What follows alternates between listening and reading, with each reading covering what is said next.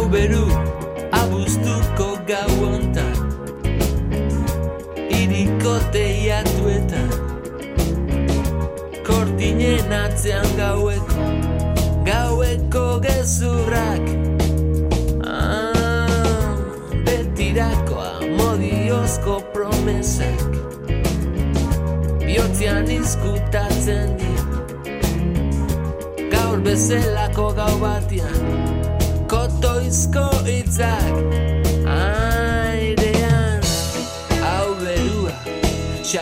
¿Qué tal estáis? Bienvenidos.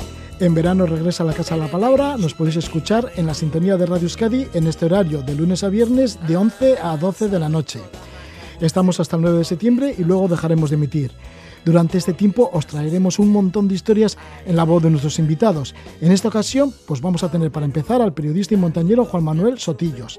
Regresa de participar en la expedición SOS Ártico 2022 ha permanecido casi dos meses en Groenlandia en la tarea de cruzar esta gran isla de oeste a este. Lo ha hecho en el trineo de viento, el trineo de viento que está dirigido y creado por Ramón Larramendi. Han recorrido más de mil kilómetros realizando experimentos científicos y han hallado una montaña que no aparecía en los mapas debido a que había estado cubierta por el hielo. Nos lo contará enseguida Juan Manuel Sotillos.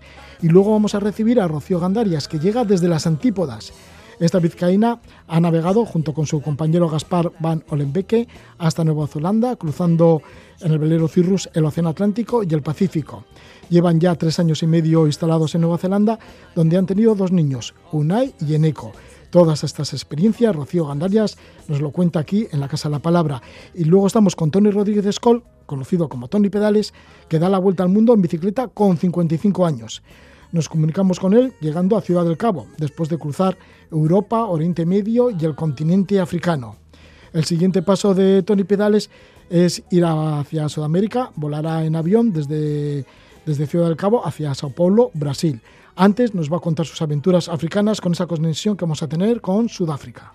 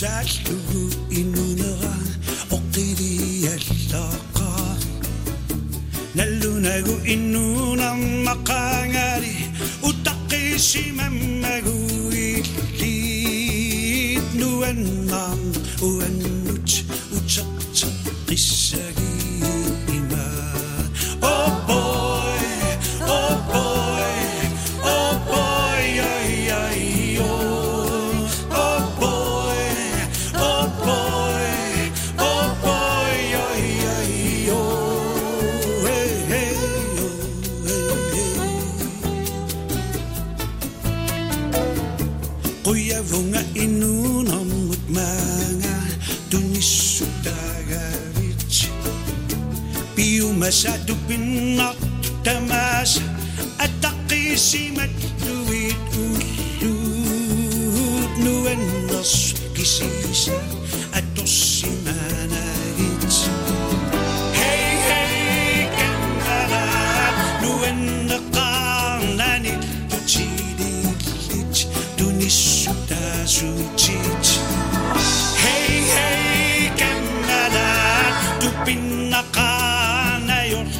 es el tema Kamalat, lo el cantautor de Groenlandia Rasmus Oli Libert, que también es compositor, actor y bueno, pues un veterano cantautor muy popular en Groenlandia. Y es que nos dirigimos a Groenlandia y tenemos como testigo excepcional a Juan Manuel Sotillos.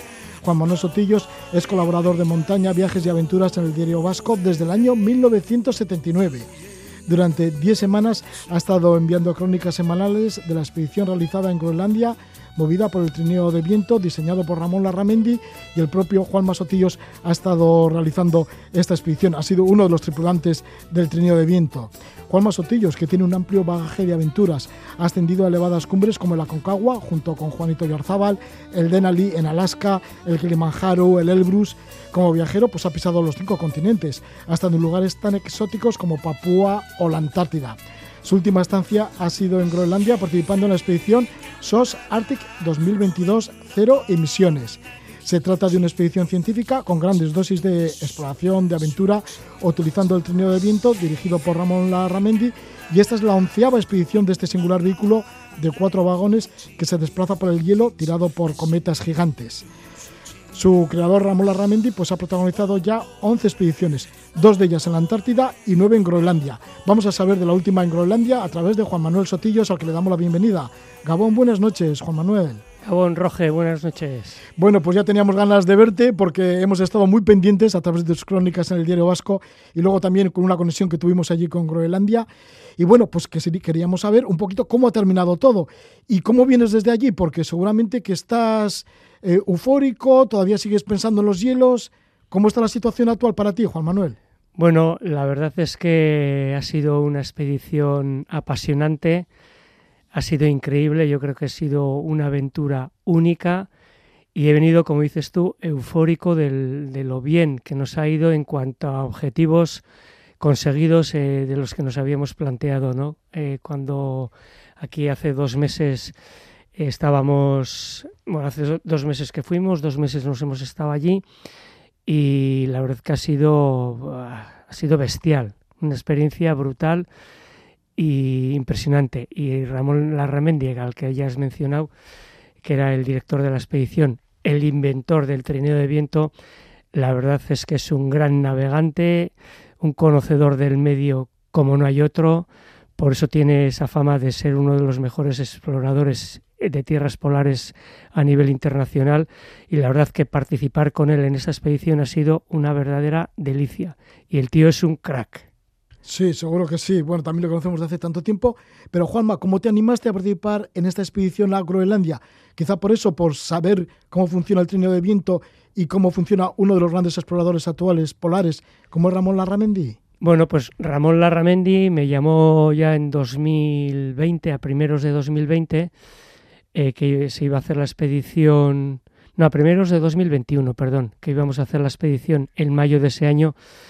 Luego se atrasó por el tema de la pandemia y al final no se pudo hacer y este año ha podido ser realidad ya, ya la expedición. Entonces cuando me llamó no dudé ni un segundo en decirle que sí y, y ahí que me apunté al trineo de viento. Le conocía yo a Ramón desde el año 88 éramos, bueno, nos conocíamos de varias aventuras, hemos hecho varias aventuras juntos también, también en Groenlandia incluso, y bueno, no podía desechar esa oportunidad. Y la verdad que participar en el trineo de viento ha sido todo un privilegio para mí. Y no, evidentemente no podía decir que no. Entonces ya nos pusimos ya a trabajar en ello y ya se ha hecho efectiva la expedición y ya hemos vuelto. ¿Cómo funciona el trineo de viento? Porque debe ser una máquina casi, bueno, que está muy adaptada al terreno, con mucha mm, inspiración inuit de los lugareños y además a través de Cometa se mueven cuatro módulos que habéis tirado como de alrededor de 2.000 kilos de material. ¿Cómo funciona todo esto? Bueno, el trineo de viento, como tú has dicho, se adapta al terreno y lo que más me ha impresionado del trineo de viento es que, primero, que el viento lo pueda mover 2.000, 2.100 kilos o 2.200 que llevábamos, que pueda mover el viento semejante peso y segundo, la gran adaptabilidad al terreno, ¿no? Eso es lo que más me ha sorprendido porque se mueve como si te, como si te estuvieran acunando, ¿no? Entonces tiene, eh, todo va a base de cuerditas, de cordinos, de diferentes colores que están definidos y van cada uno en diferente en, el lugar que tienen que ir, porque no va absolutamente ningún tornillo, ningún clavo y solo se une a través de, los, de esos cordinos, gomas y mosquetones. Es algo verdaderamente digno de, ver. Y, y, el invento es como tú bien has dicho, de Ramón Larramendi y está basado en la técnica inuit más ancestral que hay. Entonces, entre la técnica inuit y los nuevos sistemas de, bueno, y la nueva tecnología, pues ha hecho un mix y bueno, pues, pues eso es capaz de, de, navegar. Y este año la composición, Ramón ha querido hacerla de cuatro vagones, digamos. El primero era la locomotora, que es desde donde se maneja las cometas de viento. El segundo era un módulo de carga, el tercero era el módulo de habitabilidad, que es donde pasamos, cuando no estamos navegando, estamos los seis integrantes de la expedición dentro de esa tienda, donde comemos, charlamos, analizamos la situación, cómo nos ha ido el día, debatimos, tenemos, pasamos, oímos hasta podcasts de diferentes historias, leemos, escribimos hacemos la vida, en definitiva hay, aunque para dormir dormíamos cuatro en ese habitáculo y dos en la locomotora para di distribuir, para estar más cómodos, digamos, y luego un cuarto módulo también de carga. En total, unos tres metros y medio de ancho por unos 13 metros o 14 de largo. O sea, hazte la idea de que eso lo mueve el viento, pero sin ningún problema. Además, tiene que hacer viento. Sí, bueno, pues de eso Mm, del viento, de las tormentas, del frío, todo esto lo habéis vivido durante bastante tiempo y habéis conseguido pues alcanzar vuestro objetivo. Habéis cruzado de este a oeste Groenlandia y luego además, fíjate, la gran sorpresa es que habéis localizado un Nunatak, que es una montaña de unos, de unos 30 metros de altitud sobre la capa de hielo y esta montaña debe medir como 2.205 metros sobre el nivel del mar. Y no estaba registrado en los mapas, o sea que lo habéis localizado vosotros mismos en esta expedición. Sí, el, bueno, Ramón es un perfecto conocedor de, del medio del medio de polar y perfecto conocedor del Inlandis de Groenlandia, ¿no? del casquete polar. Entonces él vio unas, unas manchas negras cuando voló para hacer esta expedición a Groenlandia ya desde el avión del vuelo doméstico que hacía desde, desde Nuuk hasta Suak, ya vio eh, esas manchas negras, tomó nota de ello y luego cuando entramos al hielo en helicóptero, eh, pues le dijo al piloto que pasara por ahí y efectivamente ahí tomó las coordenadas de dónde estábamos, dónde estaba ubicado aquello con tal, con, marcándonos el objetivo de terminar precisamente en este nuevo Nunatak. Y efectivamente hicimos la travesía de oeste a este, que es la primera vez que se realiza eh, con el trineo de viento, y terminamos a 10 minutos de la cumbre de esa nueva montaña. Aquello para Ramón y para los cinco expedicionarios que íbamos con él fue un, un puntazo, como se suele decir, porque descubrir o ser eh, formar parte de, de, de, la historia, porque era la primera vez que unos humanos subían a esa montaña, pues la verdad es que fue algo indescriptible, fue un momento de alegría, de euforia, el momento que además que llegamos que era de noche, bueno, no hay noche allí, ¿no? Pero eran las 11 de la noche o las 12 así, aquel momento fue, fue único porque sabíamos que estábamos formando parte de la historia, ¿no? Entonces, descubrir ese nuevo Nunatak, del que dará buena cuenta Ramón a las autoridades danesas para que lo cartografíen y ya se incluya los mapas, pues fue el, el hito, el gran hito de la expedición. Sí, Nunatak, que llaman los inuit Nunatak a esas montañas que están eh, pues enterradas en el hielo. Y esta, sí. sin embargo, pues ya ha surgido, ¿no? Ha surgido ya 30 metros del hielo, lo que quiere decir que el cambio climático está haciendo aparecer estas montañas. Es una consecuencia absolutamente clara del cambio climático. Y entonces, eh, bueno, Ramón, que es muy conocedor del medio, me dice, esto no estaba hace X años, no estaba. Entonces, ¿qué ocurre? Pues eso está más a unos 25 kilómetros o 30 de la costa, ¿no? de, la costa del mar.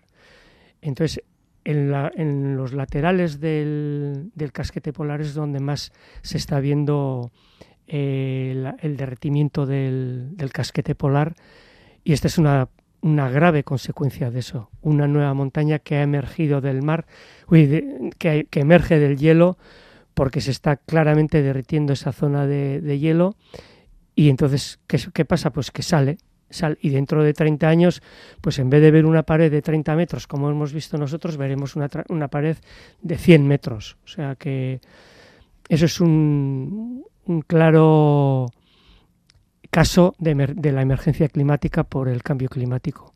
Juanma, ¿y cómo os, ah, os ha pegado la climatología? Porque sí que habéis tenido tormentas, también rachas de viento, os pegaba fuertemente el frío. Bueno, eh, hemos tenido de todo, ¿no? En Porque habéis sido, hasta habéis estado atrapados por el hielo. Exacto, entre, en, en cinco semanas nos ha ocurrido que hemos estado en el hielo, nos ha ocurrido absolutamente de todo. Lo de Atrapados en el hielo es un título que se me ocurrió dar en una de mis crónicas en el Diario Vasco, porque eh, la idea era volar los seis el mismo día y, conseguimos hacer solo un vuelo de cuatro que había que hacer porque se hacen dos vuelos. Se hace uno con personas, otros dos con carga y otro- y otros do- y otro con personas, ¿no? Entonces el primero, en el primero fuimos Ramón, Carlos Pitarc y yo y, ahí nos quedamos, porque ya no se pudo volar más. La montaña donde, donde estábamos, eh, donde aterrizó, donde iba a comenzar en la travesía, eh, pues se empezó a cerrar, vino, empezó a nublarse y ya el piloto dijo que ya que no volaba más. De hecho, vino un- uno de los primeros viajes con carga, vino y a los cuatro minutos de nuestra posición se tuvo que dar la vuelta por el mal tiempo.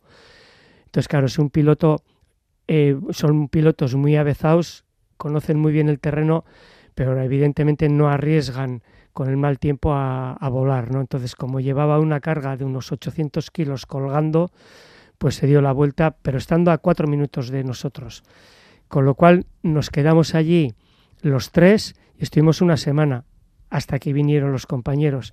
Gracias a que Ramón, por la gran experiencia que tiene, nos dijo, oye, vamos a hacer un kit de supervivencia con tienda de campaña, con pala, con combustible, con la, cocini- con el, con la cocina para cocinar, el hornillo y luego la pucheros incluso y evidentemente comida, ¿no? Entonces hicimos un kit de supervivencia que gracias a eso pudimos, pudimos salir adelante de la historia porque eh, nos encontramos con un marrón, te, dejan a- te deja allí y aprendimos también, y eso nos lo dijo Ramón desde el principio, todo lo, lo que pueda ocurrir ocurre en Groenlandia. Y este kit de supervivencia que lo pusimos como protocolo, pues lo tuvimos que utilizar y desde el minuto uno racionando ya la comida por lo que pudiera pasar. Los compañeros consiguieron volar a los seis días, nosotros llegamos un lunes, ellos el domingo, pero si llegan a, tardar un poco más, nosotros di- dijimos el límite de, de la preocupación estará como no lleguen para el miércoles, es para empezar a preocuparse, porque ya esca- escasearía ya la comida, el combustible, etcétera. Pero bueno, afortunadamente eh, todo quedó en una, en una simple anécdota. Ahí estuvimos separados una semana y bueno, pero luego ya consiguieron volar y empezar y poder empezar la expedición. Y luego por otra parte lo que me comentabas antes, hemos tenido de todo, tiempo bueno, muy bueno, tiempo malo y vientos racheados de hasta 110 kilómetros por hora. Ha sido, ha sido bastante fuerte la, la experiencia en el sentido de que muchas veces había calma chicha, con lo cual no podíamos navegar, había vientos fortísimos, con lo cual tampoco, y había vientos que no eran favorables. Entonces, hemos estado navegando en total, pues yo creo que 17 o 18 días de las siete, no, de las cinco semanas que hemos estado en el hielo. Con lo cual se hace un- una experiencia dura pero muy llevadera porque bueno eh, es que bueno lo de navegar en el trineo de viento como te he dicho antes es algo que, que la gente que lo pueda estar oyendo no se hace a la idea de, cómo es la historia así que ya recomiendo desde aquí el, reportaje que hagamos de, esta experiencia que no se lo pierda la gente porque es algo digno de ver Pues seguro que sí. Muchísimas gracias, Juan Manuel Sotillos, por estar con nosotros en este programa en la Casa de la Palabra, por habernos hablado de esta expedición SOS Ártico 2022 en Groenlandia, que habéis conseguido también realizar esa travesía. Antes he dicho al revés, lo habéis hecho de oeste al este, eso es sí. en Groenlandia. Vale, pues un fuerte abrazo, Juan Manuel Sotillos. Gracias Un por venir. abrazo, Roge, gracias a vosotros. Y aquí en la Casa de la Palabra continuamos, nos vamos a las antípodas. Estamos con Rocío Gandarias, que ha llegado en el velero Cirrus, cruzando el Océano Atlántico y el Pacífico hasta Nueva Zelanda. Y ahora vive allí.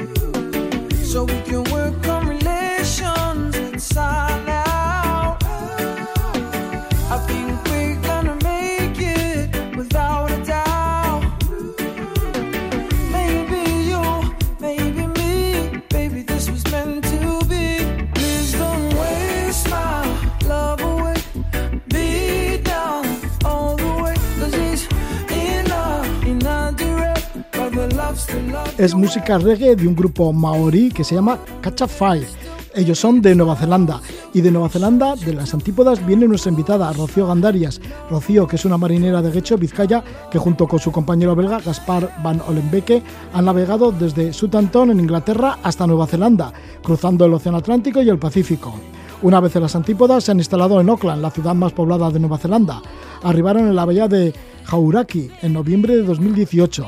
En esos tres años y medio, Rocío pues, ha tenido dos niños, una de dos años y Eneco de tan solo tres meses. Le hemos entrevistado a Rocío a lo largo de su recorrido naval, desde que partiera de Southampton. Nos acordamos cuando llegó al puerto deportivo de Guecho, ahí estuvo con Gonzalo Gandarias, que es su, que es su padre, y le ayudó y le asesoró también en las embarcaciones, ya que Gonzalo Gandarias pues mm, eh, construye barcos. Y bueno, ya hay que decir que mm, Rocío Gandarias y Gaspar pues han terminado arquitectura naval, terminaron en Inglaterra y se compraron el velero Cirrus con el que han llegado hasta Nueva Zelanda.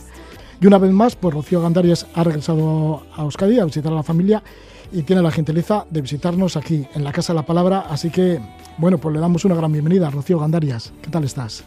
Hola, buenas noches. O aquí ahora. Aquí ahora, que será el maorí.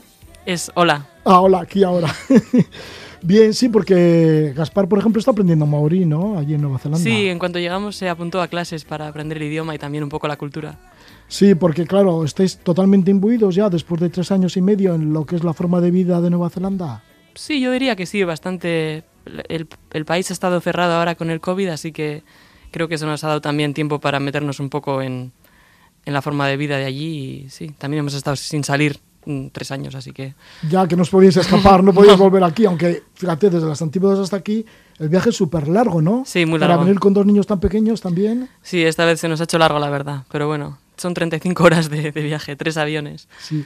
Y esto de que ya está cerrado durante dos años Nueva Zelanda también nos ha venido bien para eso, para imbuiros en la sociedad y para conocer el país de una forma un poco más solitaria o más aislada. Sí, bueno, el- le, le ha venido mal, o sea, al sector turístico del país les ha venido mal que hubiera que estuviera cerrado, pero por otro lado para los que vivimos allí pues ha sido una gozada porque vas a los sitios y no hay nadie. Y sí, la verdad es que gracias a eso pues hemos estado dos años ahí viviendo y viviendo la vida de allí y sí creo yo creo que estamos bastante instalados, la verdad. Sí, y conociendo también el país. Sí, sí, bastante. Bueno, todavía nos queda mucho por conocer, pero sobre todo hemos conocido toda la bahía de Auckland que has dicho antes, el Golfo, Golfo de Hauraki, que hay un montón de islas y siempre, todavía seguimos teniendo el barco y siempre que podemos, pues hacemos una escapada y nos vamos a visitar una de las islas. Y si no, también hemos ido un poquito a la isla sur, a un sitio que se llama Queenstown, en el que hay, es un sitio de montaña y se puede esquiar. Eh, por la isla norte hemos recorrido bastante también. Eh, hay muchísimos sitios para ver. Es mucha naturaleza, sobre todo. Es un país de 5 millones de habitantes solo y es muy grande. Entonces, pues, es, sí. Sí, Rocío, y cuando planeaste tú y Gaspar mm, que ibais a embarcaros después de estudiar la carrera de arquitectura naval, que os embarcabais desde el sur de Inglaterra, ¿pensabais eh, que ibais a cruzar tanto el Atlántico como el Pacífico y que además os podíais quedar a vivir en Nueva Zelanda o esto no estaba dentro de vuestros planes? Am, sí estaba dentro de nuestros planes quedarnos una temporada en Nueva Zelanda porque llegamos a Nueva Zelanda, bueno, durante el viaje vivimos de nuestros ahorros y aun cuando llegamos a Nueva Zelanda ya se nos habían acabado, así que teníamos que trabajar. Entonces el plan siempre era hacer una parada para trabajar y seguir el viaje. No sabíamos cuánto de larga iba a ser esa parada y bueno, con el COVID, pues como no hemos podido ser de todas formas, pues nos hemos quedado. Y creo que, mm, bueno, no sé, es muy difícil decirlo, pero igual nos quedamos un par de años más o un poquito más, no lo sé. Así que os ha venido bien quedaros en Nueva Zelanda durante ya tres años y medio. Sí, sí, la verdad, sí, la parada se está haciendo larga y bueno, sí, es un para el- O sea, porque en definitiva lo que queréis es dar la vuelta al mundo en el velero Cirrus, no lo sé si será en el Cirrus, pero sí queremos dar la vuelta al mundo. navegando, ¿no? A lo mejor en uno un poco más grande ahora que somos cuatro, pero no sé. Sí. Ya veremos, sí, navegando. Sí, y entonces una vez que habéis llegado a Nueva Zelanda, que obligados por la pandemia, pues os habéis quedado mucho más tiempo y ahí seguís. Mm, eh, ¿Tenéis trabajo? ¿Tenéis casa? ¿Estáis haciendo ya una vida como neozelandeses? Sí, eh, bueno, estamos alquilando una casa. Al principio vivíamos en el barco cuando llegamos, pero luego cuando me quedé embarazada decidimos ir a una casa y estamos trabajando los dos. Gaspar tenía trabajo ya esperándole porque trabajaba en una empresa en Inglaterra que tienen allí una oficina. Entonces cuando nos fuimos de viaje se iba en contacto con ellos y cuando llegamos pues le dieron trabajo y gracias a eso tuvimos visado. Porque es un poquito difícil conseguir visado para trabajar allí. Pero gracias a que él tenía ya como la oferta de trabajo con su empresa, eh, nos dieron visado a los dos. Y yo también estoy trabajando también de ingeniera naval, aunque ahora estoy de baja por, de maternidad. Así que bueno, bien, bueno, que ya tenéis vuestro trabajo ahí en la industria marina y es que encima en Nueva Zelanda la industria marina y todo lo que le rodea a los barcos, a la pesca, a la vela, tiene mucha ace- aceptación, ¿no? Sí, hay muchísima afición a todo lo que es barcos. Hay, casi todo el mundo tiene barcos. Es muy bastante un deporte popular que aquí es como bastante elitista. Allí todo el mundo tiene un barquito, aunque sea pequeño, uno de pesca, un velero, un sí, sí, hay muchísima afición. Y luego también la industria marítima es relativamente grande, teniendo en cuenta que es un país solo de 5 millones. Hay muchas empresas que que hacen, o sea, que, que hacen barcos a nivel internacional y tal.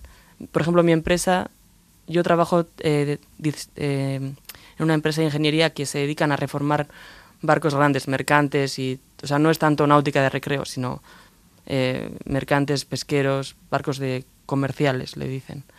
Pero Gaspar, en la empresa donde trabaja, hacen eh, ingeniería para barcos de toda Europa Sí, y, ya, y Nueva Zelanda. ya, ya comentas, ¿no? Esa gran afición que hay a la vela, porque vosotros os movéis mucho también con el velero, ¿no? Con el Cirrus, por ahí por Auckland, por la bahía, sí, sí, mucho. la bahía de Jauraki. De Hauraki. Jauraki. Sí, sí. Lo usamos mucho el barco, la verdad. Sí, porque esa bahía tiene además un montón de islas y a veces hay que navegar igual como dos o tres días para llegar a algunas de ellas. Ah, dentro de la bahía, la que está más lejos está como a 60 millas, que es en nuestro barco, bueno, un día de buen viento tardamos 8 horas. Esa es la más lejos de esta bahía, pero luego sí, te, sí puedes ir un poquito más lejos, ya saliendo de la bahía, en la costa este, hay bastantes islas también, pero eso ya es un plan de, de más tiempo. Entonces eso lo solemos hacer en las vacaciones de Navidades, que allí es verano. Eh, nos cogemos tres semanas y vamos un poquito más lejos. Luego también, hablando de la tarea del mar, de los barcos, de la vela, también hay mucha afición a la pesca. Se pesca muy Sí. bien, ¿no? Hay mucha pesca de mar. Hay mucha pesca. eh, en la bahía afuera eh, hay muchísima afición y también hay muchísimo pescado. De momento, esperemos que siga así. Hay, hay cuotas, o sea, tú no puedes pescar más de 10 eh, de este tipo de pez, por ejemplo, pero son altas, o sea, y sí, hay mucho pescado. Verdad, nos ha sorprendido. Sí, lo llegasteis a comprobar también cuando ibais navegando. Porque Sí, sí. según ibais navegando, también ibais pescando. Sí, durante el viaje pescamos bastante, sobre todo cuando íbamos haciendo navegaciones oceánicas, pescábamos mucho. Ah, pero nos sorprendió eso, al llegar a Nueva Zelanda, cuánta pesca hay. eh, sí, hay muchísimos pescados. O sea, tú vas a bucear y ves peces siempre. Y no sé, y, y hay mucha pesca. O sea, casi eh, echas el anzuelo y pescas de la misma casi. ¿Cómo es la calidad de vida en Nueva Zelanda? Muy, buen- muy buena, la verdad. Eh, tienen creo que muy buena relación de trabajo, eh, tiempo de ocio y, por ejemplo, nadie, bueno, creo que muy poca gente o los que yo conozco, nadie trabaja más tarde de las 4 o las 5. O sea, trabajan desde pronto, empiezan como a las 7, 8, pero es como si fuera casi horario intensivo aquí. Y luego a partir de las 5 de la tarde todo el mundo está afuera, en la playa. eh, hay mu- muchísima afición a los deportes acuáticos, al surf, al kitesurf, a todo eso. Y la gente se toma muy en serio que hay que tener tiempo para ti también. Y Así que se da mucha importancia al deporte, a la vida sana y también al contacto con la naturaleza. muchísimo, sí. Hay muchos, muchos eh, paseos para hacer por el bosque, por el monte. eh, muchis- sí, es muchísima naturaleza. Sí, sé que también entre otras visitas, pues has estado, por ejemplo, en Keystone, que es una población de la región de Otago, en el suroeste de la isla sur de Nueva Zelanda. Y es una zona así como bastante espectacular de montañas. Bueno, ahí también se va a esquiar en invierno. Sí, fuimos a esquiar, de hecho, un fin de semana a- allí. Y sí, sí, es, o sea, tienes de todo. En la isla norte también se puede esquiar, pero es más pequeñito. Pero sí, fuimos a visitar Queenstown y luego la zona de alrededor, que también hay unos lagos y así, es muy bonito, la verdad. Sí, y en la parte norte, en la isla norte, porque bueno, Nueva Zelanda viene a estar dividida ¿no? entre dos grandes En dos islas, islas. El norte y el sur.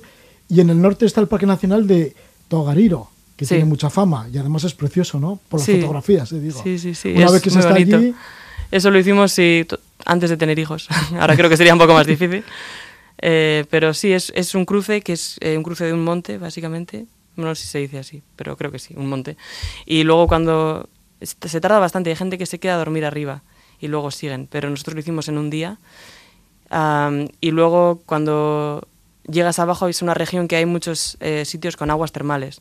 Hay lagos y ríos que, como es una isla volcánica, eh, tienen agua caliente y te puedes bañar en agua caliente natural.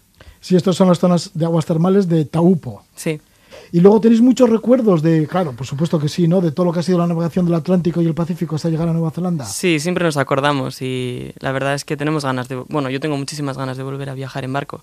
Ahora tenemos un amigo, unos amigos que se acaban de ir de Nueva Zelanda, llevaban preparando su barco dos años allí. Bueno, también estuvieron un poco atascados, pero se van y eh, están en Fiji ahora y dan muchas ganas cuando ves por dónde están y eso. Sí, pero ahora, claro, una vez que salgáis de Nueva Zelanda, iréis con vuestros hijos, ya sois cuatro los tripulantes. Sí, cambia todo, pero bueno, les estamos acostumbrando a ellos los fines de semana y eso, Sí, a sí. salir en el barco. Bueno, que ya sois familia de marineros. o sea Eso es, ya- no les queda otra, de todas formas no tienen opción. Sí, sí, familia de marineros y además de gente muy metida en la construcción de barcos. Porque Sí, eres es verdad. arquitecta naval, ahora trabajas de ingeniera naval ahí en Nueva Zelanda. Sí. Sí. ¿Y qué es lo que más te gusta de esa vida en Nueva Zelanda? Am, ah, es difícil decirlo, pero eso es lo que te he dicho antes. Creo que hay muy buena relación con la naturaleza, que hay muchísimas opciones y luego también hace buen tiempo la mayoría del año. El invierno hace malo, pero son tres meses que hace malo, el resto del tiempo hace bueno en Oakland. Y eso, la, que, que vivo al lado de la playa y que cuando acabo de trabajar todos los días voy a la playa. Sí, Oakland que tiene un millón y medio de habitantes y cinco millones todo el país. Es un país en el cual también te puedes encontrar como muy solitario, que si quieres te puedes perder y así. Sí, sí, total. Puedes ir. Y eso puede ser. Hay gente que puede no gustarle también. Pero ahí puedes, es- puedes ir a una playa y estar solo. Ah, nosotros eh, vivimos en la ciudad y en la playa ya hay poca gente. O sea que imagínate si te vas a una playa, no sé, un poquito perdida del norte, estás solo. Y son unas playas espectaculares. Y luego lo mismo si vas. Bueno, los sitios famosos, por ejemplo, el Tongariro, hay gente. O sea, siempre vas andando y siempre vas viendo a gente. Bueno, eso también era cuando había turistas. Pero ahora que no ha habido turistas ha sido bastante interesante porque vas y, no ves a nadie. Luego pienso, si yo tuviera 20 años y no tuviera hijos y estuviera allí, a lo mejor me aburriría también, porque hay poca vida, o sea, hay vida social, pero no es tanto como aquí. Aquí sales y ves a gente, ahí la gente está fuera de casa. Allí hacen mucha vida en casa, sobre todo en invierno, y eso, luego les gusta la naturaleza y así, pero no hacen, no hay tanta movida. Sí, y al tener hijos te ha animado más porque vives en Nueva Zelanda, porque tienes trabajo, porque las condiciones de vida, igual el nivel de vida son mejores, porque has encontrado ese equilibrio que dices entre el trabajo y el ocio. Sí, creo que es un buen ganas de- país para sí, tener hijos, un la buen verdad. país, sí, ¿no? porque hay eh, bueno es muy seguro es muy tranquilo y eso que no hay hay mucha naturaleza y está en ese sentido está muy bien Sí, y además, bueno, tus hijos son de allí, de Nueva Zelanda. bueno ellos son kiwis sí Son kiwis, así que ahí tienen sus raíces, ¿no? Que si Sí, algún es día verdad. quieren volver, pues sí eso es lo bueno que cuando quieran ellos si un día quieren volver pues ten- pod- podrán volver Sí, ¿y cuál es el contraste que encuentras? Bueno, acabas de llegar ahora, o sea, Acabo de acabas, llegar. acabas de aterrizar, pero bueno, en la vida que llevabas antes, en el sur de Inglaterra, cuando estabas estudiando, Ah. tu vida aquí en el País Vasco, comparado con esa parte del mundo, con Nueva Zelanda. la vida en el País Vasco me acuerdo un poco menos porque era más joven todavía o sea yo me fui de aquí a los 17 años me fui a Inglaterra en Inglaterra me lo pasé muy bien pero no volvería a vivir allí porque hace malo y encima no sé Eh, pero Nueva Zelanda, pues el, contraste ahora que veo cuando vengo aquí es sobre todo cuánta gente hay. O sea, allí salgo de casa y no veo a nadie, aunque viva en Oakland. Es una ciudad que está muy extendida. Y aquí salgo, vengo en el metro y la, la de gente que hay me, me, me parece que hay mucha gente. Y luego Y eso, somos muy gritones Sobre también. todo que hay mucha gente y como mucho ruido, pero Sí. no me importa, ¿eh? solo que es distinto. Sí, es lo que más me choca, creo. Sí. Bueno, pues que tengas buena estancia aquí con tu familia. Muchas gracias. Después de tres años y medio que llevas viviendo en Nueva Zelanda, que llegaste junto con Gaspar Boan Olenbeke, tu compañero belga, bueno, pues llegasteis allí desde Southampton, desde el sur de Inglaterra, pasando por el puerto deportivo de Guecho, de donde eres, y luego ya pues te fuiste a la isla del Hierro, en Canarias, y desde la isla del Hierro llegaste hasta las Antillas Francesas, luego a Cartagena de Indias, en Busavelero, en el Cirrus, Cunayala, el canal de Panamá, en abril de 2018 partisteis para cruzar el Océano Pacífico, y fíjate, todo fue perfecto, ¿verdad? Sí, sí, Hasta llegar a Nueva Zelanda. sí. Tuvimos mucha suerte, un buen, muy buen viaje. Así que una historia muy bonita. Sí. Vale, pues que la sigues disfrutando. Gracias. Recuerdos también a Gaspar y por supuesto a tus dos hijos. Vale, gracias, Roger. Vale, un fuerte abrazo.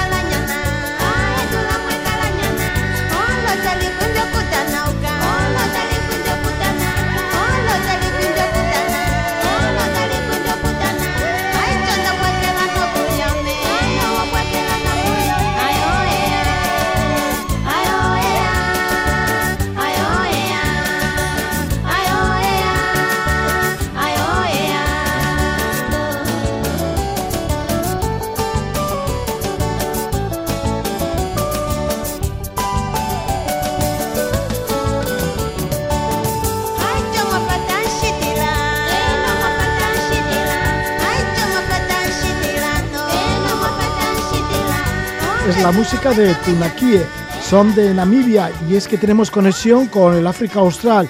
Estamos enseguida hablando con Tony Rodríguez Skoll, conocido como Tony Pedales. Acaba de cruzar el continente africano en bicicleta, le localizamos justamente cuando está llegando a Ciudad del Cabo.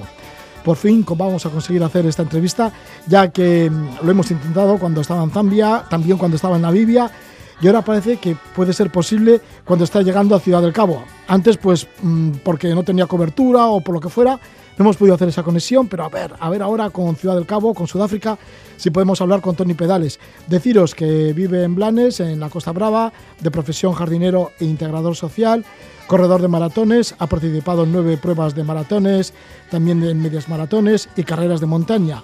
A los 55 años decidió hacer realidad su deseo de dar la vuelta al mundo en bicicleta. Salió de su casa el 1 de julio de 2021. La primera gran etapa fue hasta Viena, más tarde llegó hasta Ucrania y en Odessa cruzó el Mar Negro a Georgia. Quería ir hacia Asia, hacia Mongolia, pero las fronteras estaban cerradas por el tema de la COVID-19, por lo que optó por volar a Amán, a Jordania, pasó el Mar Rojo, alcanzó la península del Sinaí y en Egipto tiró para abajo por la geografía del este de África y ahora pues sí, le localizamos en Ciudad del Cabo. Tenemos conexión con Tony Rodríguez Skoll. Buenas noches, Tony. Hola, buenas noches. Tony, pues que estás entrando justamente en Ciudad del Cabo, que por fin has conseguido cruzar todo el continente africano. Por fin, por fin, poco a poco, pero al final se, se llega. Y bien, bien, muy, muy bien, muy contento, muy emocionante poder ver la Table Mountain y, y estar aquí. Es emocionante. Sí, tiene que significar mucho para ti, ¿no? Después de un año de estar dando pedales por Sí. Europa, por Oriente Medio y ahora todo el continente africano. Así que es toda una victoria. sí, sí, sí, sí, es una victoria provisional, pero es una victoria. Es una primera etapa de la Vuelta al Mundo que, bueno, pues que se ha cumplido y, y muy bien. Pues, pues, pues como en las carreras, tienes que ir por, por, por etapas. Tienes que ir, venga, ahora al kilómetro 10, ahora al kilómetro 20 y ahora así poco a poco. Pero con paciencia y entusiasmo se llega, se llega. Con la bicicleta se llega. Sí, Tony, bueno, pues naciste en Barcelona en el año 1967 y te has dispuesto a dar la vuelta al mundo con más de 55 años. ¿Por qué esta decisión? ¿Es una decisión tomada desde muy atrás, muy reflexionada o te has lanzado, has dicho, ya tengo 55 años, me voy a lanzar a recorrer el mundo en bicicleta? ¿Cómo ha sido? No, no, yo siempre he sido una persona muy inquieta, muy inquieta. Yo me acuerdo de la familia de, de siete hermanos, eh, era el que siempre se escapaba, se movía, ya en la época del instituto y, salía con la mochila a viajar. eh, yo siempre he sentido la, necesidad de viajar, siempre, lo he llevado siempre adentro. Y, y bueno, en la época del instituto, la, la opción de poder viajar a dar la vuelta al mundo, pues oías casos de, de otros viajeros y decías, bueno, esto tiene que ser la repera, ¿no? Poder hacer la vuelta al mundo en bicicleta. Pues mira, si ha llovido, pues es una cosa que ha sido meditada, meditada, meditada y, durante, bueno, pues durante todos estos años, pues, eh, pues he hecho otro tipo de viajes, pero he viajado ba- bastante y, y bueno, pues físicamente pues estoy bien y mentalmente aquello que dices, bueno, va, mm, ¿lo voy a hacer o no lo voy a hacer? Pues sí que lo voy a hacer, venga, adelante. Coges el toro por, la- por los cuernos y venga, y adelante, y te lo propones. Pero siempre ha sido un proceso. He tenido que ir pensando, preparándome también a la familia y yo y también psicológicamente es una decisión importante, no es una dar la vuelta al mundo en bicicleta no es una decisión fácil, ¿sabes?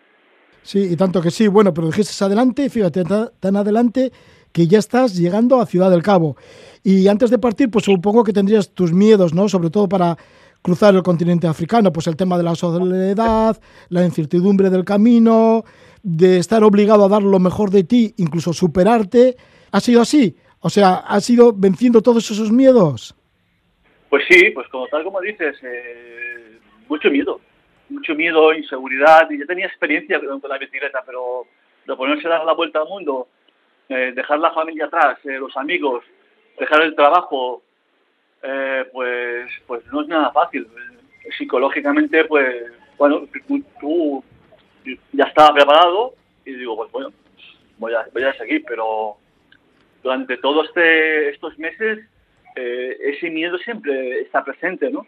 Porque, porque no sabes, no sabes lo que te vas a encontrar, ni dónde vas a dormir, ni qué vas a comer, ni, ni cómo va a estar la ruta. Entonces, eh, el continente africano, pues resultaba un poco, me daba mucho respeto. De hecho, para dar la vuelta al mundo era el continente que me dejaba para el final, porque mi idea principal era cruzar Asia pero no, no pudo ser por el tema del coronavirus pues dijo pues me lanzo para África pero África ha sido el continente fabuloso un, continente que mucha esta parte de África que he hecho eh, pues es muy segura y nada por el, por el camino al final vas venciendo los miedos te vas superando y tampoco es para tanto la Sin em- verdad es que poco a poco vas, eh, aprendes a, a gestionar la soledad también, pero en África es imposible estar solo. O sea, nunca me he sentido solo, ni un solo día.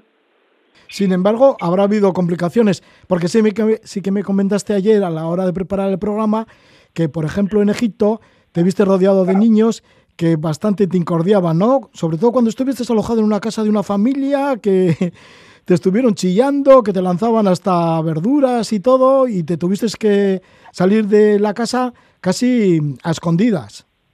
Pues sí, he tenido unas situaciones malas, pero quizás la que más, la que me dejó, me sorprendió que, pues, que una multitud de niños, pues, me amenazaran. Eh, digo, pues, bueno, tien- tienes miedo a los ladrones, tienes miedo a los coches, tienes miedo a... Pero digo, unos niños. Pues sí, pues me hicieron un scratching, me aceptaron en la casa y yo estaba con la familia, había cenado y tal, iba a dormir, pero los niños estaban afuera y no se iban. Y, pero es que había un montón, es que quizás habían de casi 50 o más. Al final el, el, el, propietario me dijo que, el padre de la familia me dijo que me marchara porque era, es que imposible estar ahí.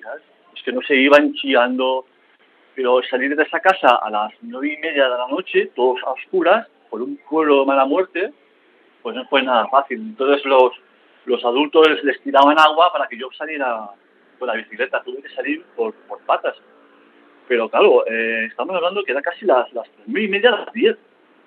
Estaba todo oscuro y yo salí sin la luz, eh, como pude, corriendo con los niños ahí persiguiéndome. Cuando ya dejé los niños, me persiguieron en las motos. Iban eh, dos, dos chavales con, con una moto y me iban persiguiendo. Y por una zona a escondidas, con toda esa mala suerte, que me encontré con... de que me metí en un agujero de la, de, de la carretera y la rueda de delantera se reventó. O sea, que me vi a las de noche reparando una, una bicicleta con una linterna ni nada y los, y los, los motoristas por ahí dando, dando por saco. Nada, fue una situación mala, mala, porque tuve que pedalear eh, hasta encontrar una, una nueva casa. Eso fue hacia las hacia casi a las 12. Precisamente también encontré otro grupo de chavales que me incordiaron y al final, mm, no sé, eh, la ayuda vino de un, de un, de un ganadero. Sí, sí, de un, hombre que estaba allí y, y me, me ofreció dormir en su casa. Tenía, su casa tenía vacas y dormimos, eh, dormía ahí al lado. Eh, dormí eh, dentro de su habitación y las vacas al lado. Eh, pero fue, la verdad es que aquel hombre me, salvó de la noche. Yo estuve aquí, estuve muy nervioso aquella noche. Fue una situación mala, mala, mala, mala, mala. Muy Ya, mala. qué extraño, sí, porque seguramente esto te sucedió en Egipto y bueno, te salvó ese ganadero a las 12 de la noche, pero sin embargo, seguro que los chavales que te has encontrado en otros países del continente africano han sido todo lo contrario, muy respetuosos. Desde, desde luego, desde luego. Después de aquella experiencia, yo mm, en Egipto, cuando se acercaban los chavales, ya les tiraba agua y tal.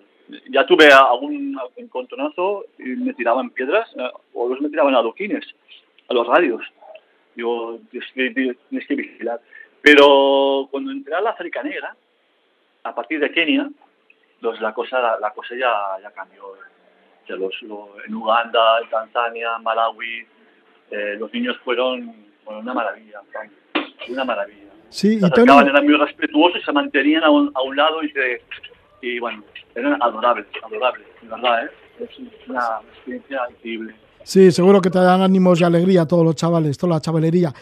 Tony, y luego, ¿cómo has hecho para pasar, por ejemplo, por, por países como Botswana, ¿no? Y el Delta Locabango, que hay muchos animales y algunos parques, algunas reservas, eh, bueno, sobre todo parques naturales o parques nacionales, eh, la fauna está libre, ¿no? Que va a su aire y los parques son abiertos. ¿Cómo lo has hecho para pasar y para protegerte de la fauna salvaje? Pues nada. Rezar. Eh, eh, no, eh, simplemente cuando tú entras en, una, en un parque, me acuerdo de un Mikumi, pues eran 50 kilómetros, pero había un cartel que decía que tú pasabas, cruzabas los 50 kilómetros bajo tu responsabilidad, que hay animales salvajes, hay leones y tal. Entonces, lo que yo la, la estrategia era pasar sobre las 11 de la mañana, 10, 11, que los animales, los, los depredadores no están activos, están durmiendo. Cuando hace mucha calor, no, no, no, son, no son tan activos, están descansando. Entonces ahí pues pasé.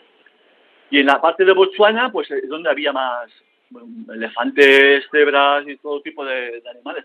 Eh, te podías encontrar perfectamente leones. De hecho, me acuerdo yo cuando empecé a cruzar el primer parque, fue entrar a Botswana, eh, hacerme la visa y la gente me decía que a dónde iba con la bicicleta, que, que había un montón de leones.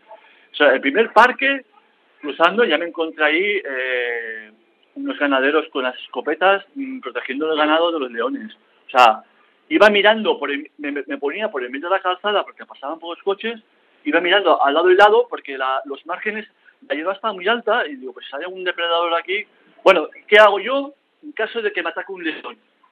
Pues bueno, la estrategia, por todo lo que he leído ya, es eh, eh, no, darle la espalda, o sea, enfrentarse a él, chillarle y hacer todo lo posible. Pero digo, mi única arma era una, una, una navaja que tengo yo para cocinar, o sea, ninguna. Entonces, bah, no, no ha pasado nada. Pero eh, con los leones no es el problema, el problema es con los, con los elefantes. Los elefantes que te encuentras, los machos, están libres y los machos son muy agresivos. De hecho, en Botswana hay un montón de elefantes y los elefantes machos son, eh, eh, son los que matan, matan gente.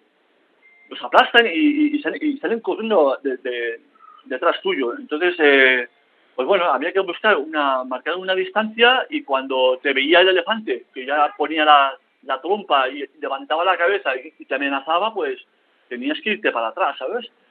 Eh, no tuve ningún, ningún problema. Entonces, el, el ver- el verda- verdadero problema es, es con los elefantes y con los búfalos, que no me encontré ningún búfalo, estaban a- apartados, pero si te encuentras un búfalo, también son muy agresivos los búfalos en la carretera. Y Botswana es el país donde hay más animales. Yo creo que hay más animales que personas, porque es un país enorme con solo dos millones de personas y, y, y todo el resto por ahí son todos son parques nat- naturales. Y nada, pues cruzas. Si Sí, puedes, cruzas. Y entonces cuando lo que hacía para, para dormir era, pues buscaba torres de telecomunicaciones y me protegía en las- dentro de las vallas. Y en, la, en alguna entrada de parques también entré ahí y me, dejaban dormir en la zona. Pero claro, mirar de no acampar en, al lado de la carretera porque por la noche, cuando se va el sol, es cuando salen los depredadores. Y hay unos cuantos. Sí, sí. Bueno, pues muchas experiencias has tenido cruzando todo el continente africano. Estamos en conexión con Ciudad del Cabo. Justamente está llegando a Ciudad del Cabo nuestro invitado, Tony Pedales, Tony Rodríguez Escol. Él es de Blanes, en la Costa Brava, y salió el 1 de julio de 2021 pues, a dar la vuelta al mundo en bicicleta.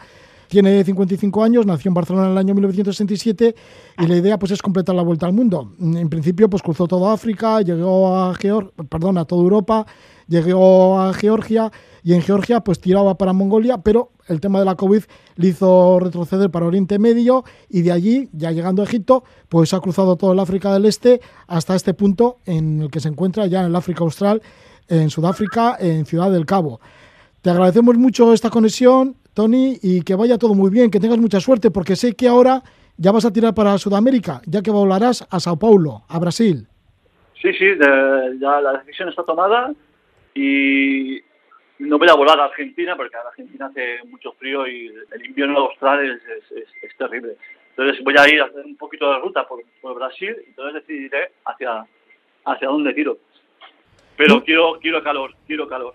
Bueno, pues en busca del calor, déjanos un contacto para el que quiera seguir tus pedaladas por el mundo. Tony, ¿cuál es tu página? Mi página es tonypedales.com. Vale, pues muchísimas gracias, Tony Pedales, Tony Rodríguez Escol. Un fuerte abrazo. allí- vale, de acuerdo. Y que te vaya muy bien por, por ahí, por Ciudad del Cabo, en este momento. Vale, de acuerdo. Muchas gracias a vosotros.